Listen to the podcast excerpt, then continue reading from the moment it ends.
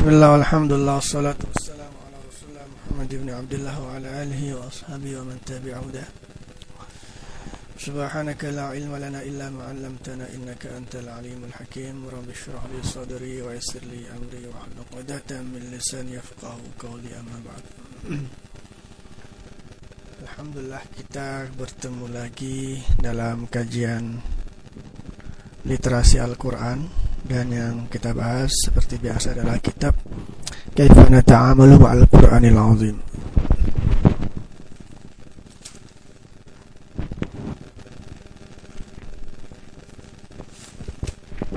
Maaf ya salah kitab. Kaifa nata'amalu ma'al Qur'anil Azim atau bagaimana kita berinteraksi dengan Al-Qur'an karya uh, Al-Imam Yusuf Al-Qaradawi hafizahullah taala.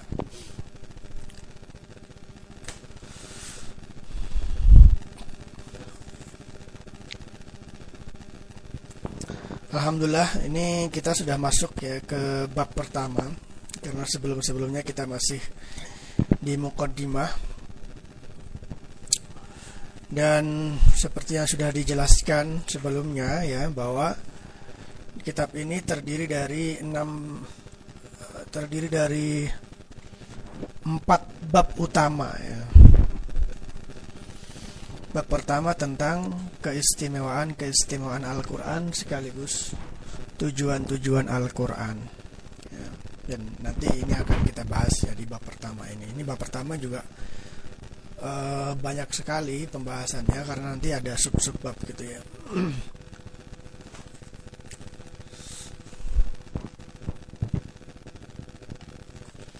Jadi di bab pertama ini ada dua subbab utama. Yang pertama khosaisul Quran, keistimewaan-keistimewaan Al-Quran dan yang kedua adalah maqasidul Quran, tujuan-tujuan Al-Quran. Nah, kita akan masuk ke subbab yang pertama yaitu khosaisul Quran, keutamaan-keutamaan uh, Al-Quran ya. Nah, dalam subbab yang berjudul keutamaan-keutamaan Al-Quran nanti juga ada tujuh pembahasan. Pembahasan pertama berjudul Al-Quranu Kitabun Ilahiyun. Quran adalah kitab ilahi. Yang kedua Kitabun Mahfuzun, kitab yang terjaga. Yang ketiga Kitabun Mu'jizun, kitab yang merupakan mukjizat. Yang keempat Kitabun Mubinun Muyassarun, kitab yang jelas dan dimudahkan. Yang kelima kitab buddini kullihi, kitab agama atau kullihi maksudnya kitab yang membahas seluruh uh, ajaran agama. Yang keenam kitab zamani kullih, kitab yang selalu relevan dengan seluruh zaman. Yang ketujuh atau yang terakhir adalah kitabul insaniyati kulliha, kitab dari seluruh nilai-nilai kemanusiaan. Jadi ini adalah tujuh tema yang akan dibahas dalam subbab pertama yang berjudul Khosaisul Qur Quran. Keutamaan-keutamaan Al-Quran.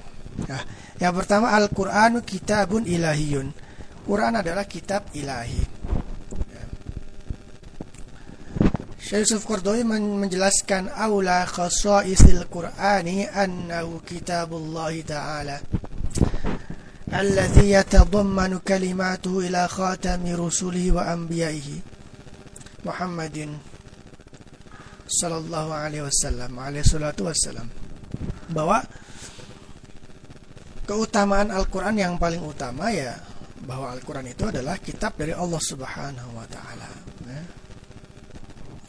yang kandungan-kandungan kalimatnya itu ditujukan kepada Rasul dan Nabi terakhir yaitu Nabi Muhammad Sallallahu Alaihi Wasallam. Jadi kalau kita bicara keutamaan Al-Quran ya yang paling utama ya bahwa Al-Quran itu kitab dari Allah, kitab wahyu, bukan karangan manusia. Fahuwa ilahiyul masdar mi'atun bil mi'ah lafzan wa ma'nan.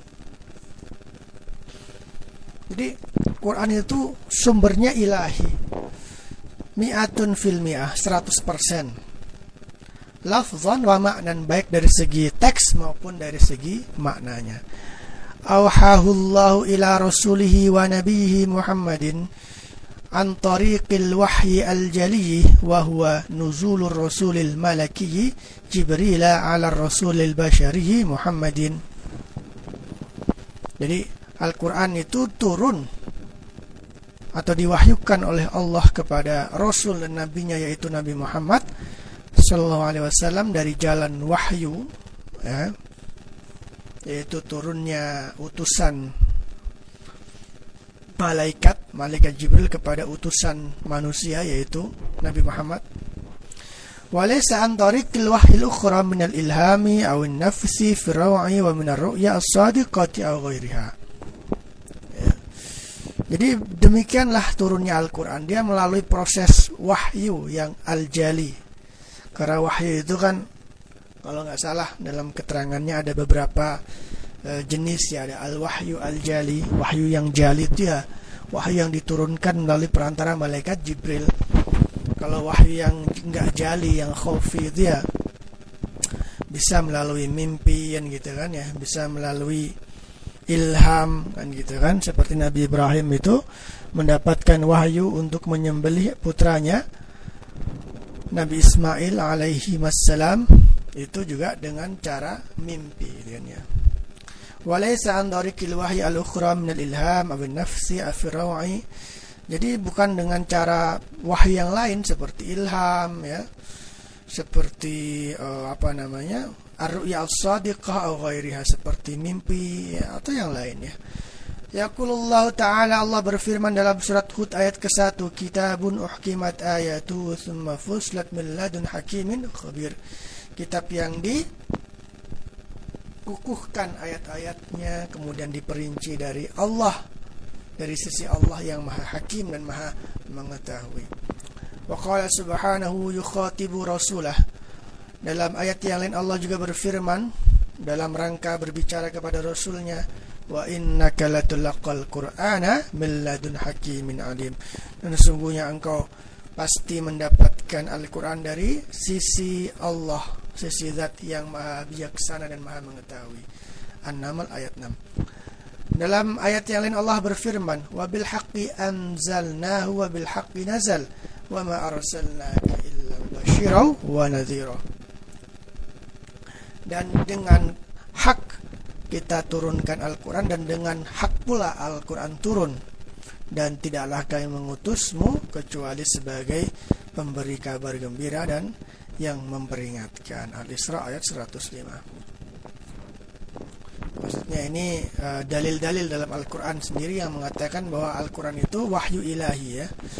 Qala ba'dul ulama fi qawli ta'ala wa yas'alunaka 'anil ruh. Qulir ruhu min amri rabbi sebagian ulama menafsirkan firman Allah wa yas'alunaka 'anir ruhi qulir ruhu min amri rabbi. Eh, surat Al-Isra ayat 85 Inna ruha al-mas'ula anhu fil ayati wal Qur'an. Fa inna siyaqa qablahu wa ba'dahu yatahaddatsu 'anil Qur'an wa huwa la syakka ruhun min amrillahi tabaraka wa ta'ala. Sebagian ulama menafsirkan uh, ayat wa yas'alunaka 'anil ruhi qulir ruhu min amri rabbi wa ma utitu minal ilmi illa qalilah. Mereka bertanya kepadamu wahai Muhammad tentang ruh. Katakanlah ruh itu urusan Tuhanku. Jadi ulama atau sebagian ulama mengatakan bahwa ruh yang dimaksud di sini adalah Al-Qur'an. Karena fa inna siyaqa qablahu wa ba'dahu yatahaddatsu 'anil Qur'an. Karena apa? Karena konteks ya yang disampaikan dalam rangkaian ayat-ayat ini ya ayat uh, Al-Isra ini ya khususnya yang setelah atau maksudnya yang setelah dan sesudah ayat yang tadi itu itu kan berbicara tentang Al-Qur'an ya, ya. Wa min al-laili fatahajjad bihi nafilatan laka asa ay yab'athaka rabbuka maqaman juga ada uh, wa Qur'an al-fajr inna Qur'an al-fajr kana mashhuda gitu Wahwa la syakka ruhun min amrillahi tabaraka wa ta'ala. Al-Quran tanpa diragukan adalah ruh dari perintahnya Allah subhanahu wa ta'ala. Artinya bahwa sebagian ulama menafsirkan ar-ruh dalam ayat wa yas'alunaka 'anir ruh qulir ruhu min amri. Rabbi itu adalah Al-Qur'an. Wa yadullu qalu ta'ala fi awaili surati Nahl yunazzilul malaikata birruhi min amrihi 'ala man yasha'u min 'ibadi an anziru annahu la ilaha illa ana fattaqun dan barangkali awal dari surat An-Nahl ini juga menunjukkan makna tadi Bagaimana bunyi awal An-Nahl? Allah berfirman yang artinya Allah menurunkan malaikat dengan ruh dari perintahnya Allah kepada hamba yang dia kehendaki dari hamba-hambanya an anziru annahu la ilaha illa ana fattaqun agar mereka memberi peringatan ya bahwa sesungguhnya tidak ada ilah kecuali aku dan hendaklah mereka bertak bertakwa. Artinya ayat dalam An-Nahl kedua ini ya dalam surat An-Nahl ayat 2 ini itu seakan-akan memperkuat tafsiran sebagian ulama yang tadi kita bicarakan ya bahwa arwah yang dimaksud adalah Al-Qur'an Al-Qur'an. Kama yu'akkidu qawlu ta'ala fi awakhir surat surat syura seperti halnya Makna tadi juga dikuatkan oleh ayat Al-Quran dalam akhir surat Ash-Shura. Bagaimana ayatnya? Wa kadzalika auhayna ilaika ruham min amrina ma kunta tadri mal kitab wal imanu walakin ja'alnahu nuran nahdi bihi man nasha'u min ibadina wa innaka latahdi ila siratikal mustaqim ila siratim mustaqim wa innaka latadi ila siratikal mustaqim. Jadi uh, menurut Syekh Yusuf Al-Qardawi Asyura ayat 56 ini juga sepertinya juga menguatkan pendapat sebagian ulama tadi yang mengatakan bahwa ar-ruh yang dimaksud dalam uh, ayat wayasalunaka 'anir ruh itu adalah Al-Qur'an Al-Quran. Fal Quranu ruhun rabbaniyun tahya bihil uqul wal qulub. Kama annahu dusturun ilahiyun yunazzimu hayatal afradi wasyu'ub maka Al-Quran dengan demikian artinya kalau kita sudah paham bahwa Al-Quran itu adalah ruh dan Al-Quran sendiri juga menyebut bahwa Al-Quran itu adalah ruh ruh itu kan nyawa ya, ya. sesuatu yang nggak ada ruhnya ya mak mati. Maka jika demikian fal Qur'anu ruhun rabbaniyun tahya bil uqul wal qulub. Quran adalah ruh rabbani ya, yang dengannya akal dan hati itu menjadi hidup. Kama annahu dusturun ilahiyun seperti halnya Al-Quran juga sebuah uh, undang-undang uh, ilahi ya, yang yunazimu hayat al-afradi wa syu'ub yang mengatur kehidupan manusia baik yang individu maupun dalam level bang bangsa makanya kalau kita pengen hati kita akal kita hidup ya kita harus hidup dengan Al-Quran. Kalau kita pengen kehidupan berbangsa bernegara kita hidup ya maka harus dikasih ruhnya Al-Qur Al-Quran.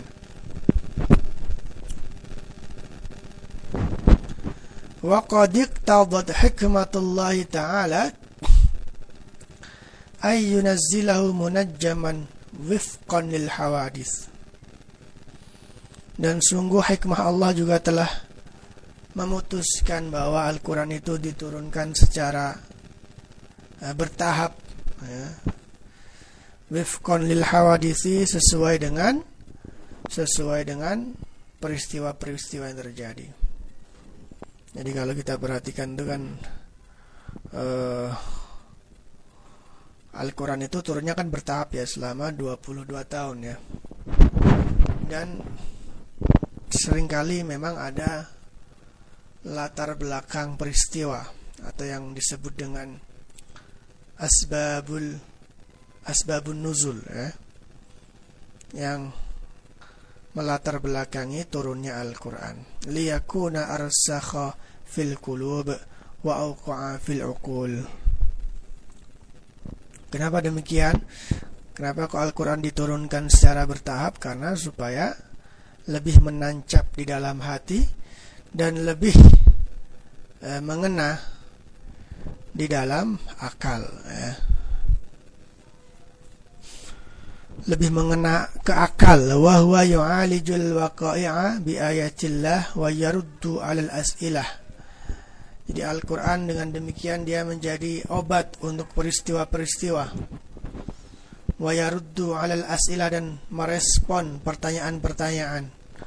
Wa yuthbitu fu'adar rasuli sekaligus mengukuhkan hati Rasulullah sallallahu alaihi wasallam fi muwajahatil mihani dalam rangka merespon cobaan-cobaan wasyadaidi dan tantangan-tantangan allati tunazzilu bihi wa bi ashabihi yang turun kepada Nabi dan kepada sahabat-sahabatnya.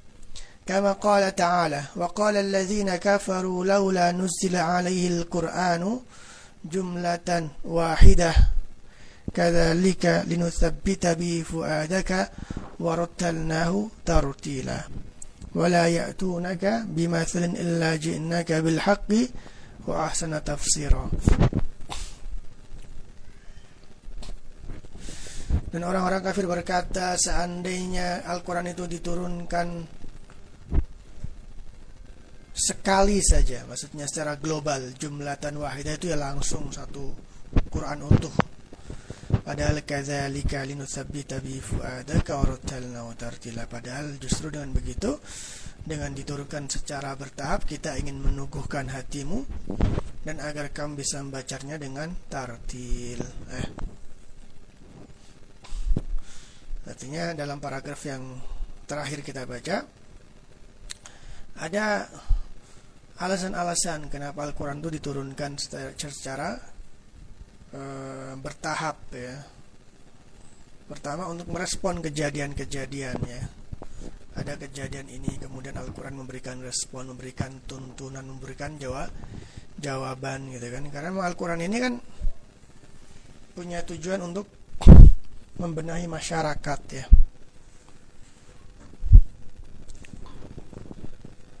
tujuan yang lain adalah untuk meneguhkan ya kan meneguhkan uh, jiwa dan hati Rasulullah Wasallam ketika menghadapi tantangan-tantangan dan ujian-uji ujian-ujian karena Nabi Muhammad itu hiburannya kan Al-Quran sehingga ketika Nabi Muhammad mendapat ujian mendapatkan cobaan-cobaan kemudian Al-Quran datang menghibur Nabi Muhammad SAW ya, menguatkan Nabi Muhammad SAW. Alasan lain adalah bahwa Al-Quran memang banyak sekali ayat-ayatnya yang turun untuk merespon pertanyaan-pertanyaan yang muncul dari para sahabat, para sahabat. Makanya kan ada tuh ayat-ayat yang dimulai dengan yas'alunaka yas'alunaka 'anil ahillah yas'alunaka 'anil khamri wal maisir ya. Yas'alunaka 'anil mahid ya kan? Mereka bertanya mereka bertanya ya kan? Jadi ayat-ayat itu turun karena memang sebelumnya ada pertanyaan-pertanyaan ya. Wa hikmatun ukhra wa hiya an ay yaqra'ahu rasulul karim 'ala al-mu'min nabi 'ala mahlin bihaythu yastawibunahu hifdhan wa fahman wa 'amalan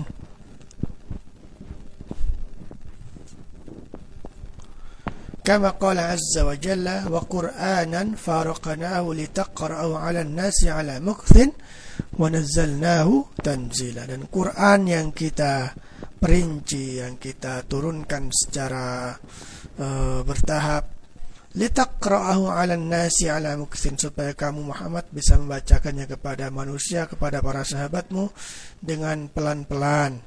Ya warattalnahu tartil wa nazzalnahu tanzila dan sungguh kami akan menurunkan Al-Qur'an dengan sebaik-baiknya. Ini juga alasan lain kenapa Al-Qur'an diturunkan secara bertahap. Ya karena supaya kaum mukminin khususnya bisa menerima ya, bisa menghafalkan, bisa menerima uh, Al-Qur'an dengan baik ya kan ya. Sehingga mereka bisa mempelajari dengan baik karena turunnya itu kan sedikit-sedikit ya. Kayak kita belajar di sekolah itu kan pasti belajar kan sedikit-sedikit ya. Nggak langsung satu kitab kita pelajari semua gitu. Pasti berta pasti bertahap. Nah ini itu adalah uh, apa namanya penjelasan atau dalil-dalil Al-Quran sendiri dalil-dalil dari Al-Quran sendiri yang menegaskan bahwa Al-Quran itu adalah kitabun ilahiyun. Kitab ilahi. Kitab yang dari Allah sekaligus juga tadi kita baca e, penjelasan tentang alasan-alasan kenapa Al-Quran itu diturunkan secara berta bertahap. Insyaallah akan kita lanjutkan pekan depan ya. Aku qouli hadza wa astaghfirullakum subhanakallahumma bihamdika asyhadu an la ilaha illa anta astaghfiruka warahmatullahi wabarakatuh.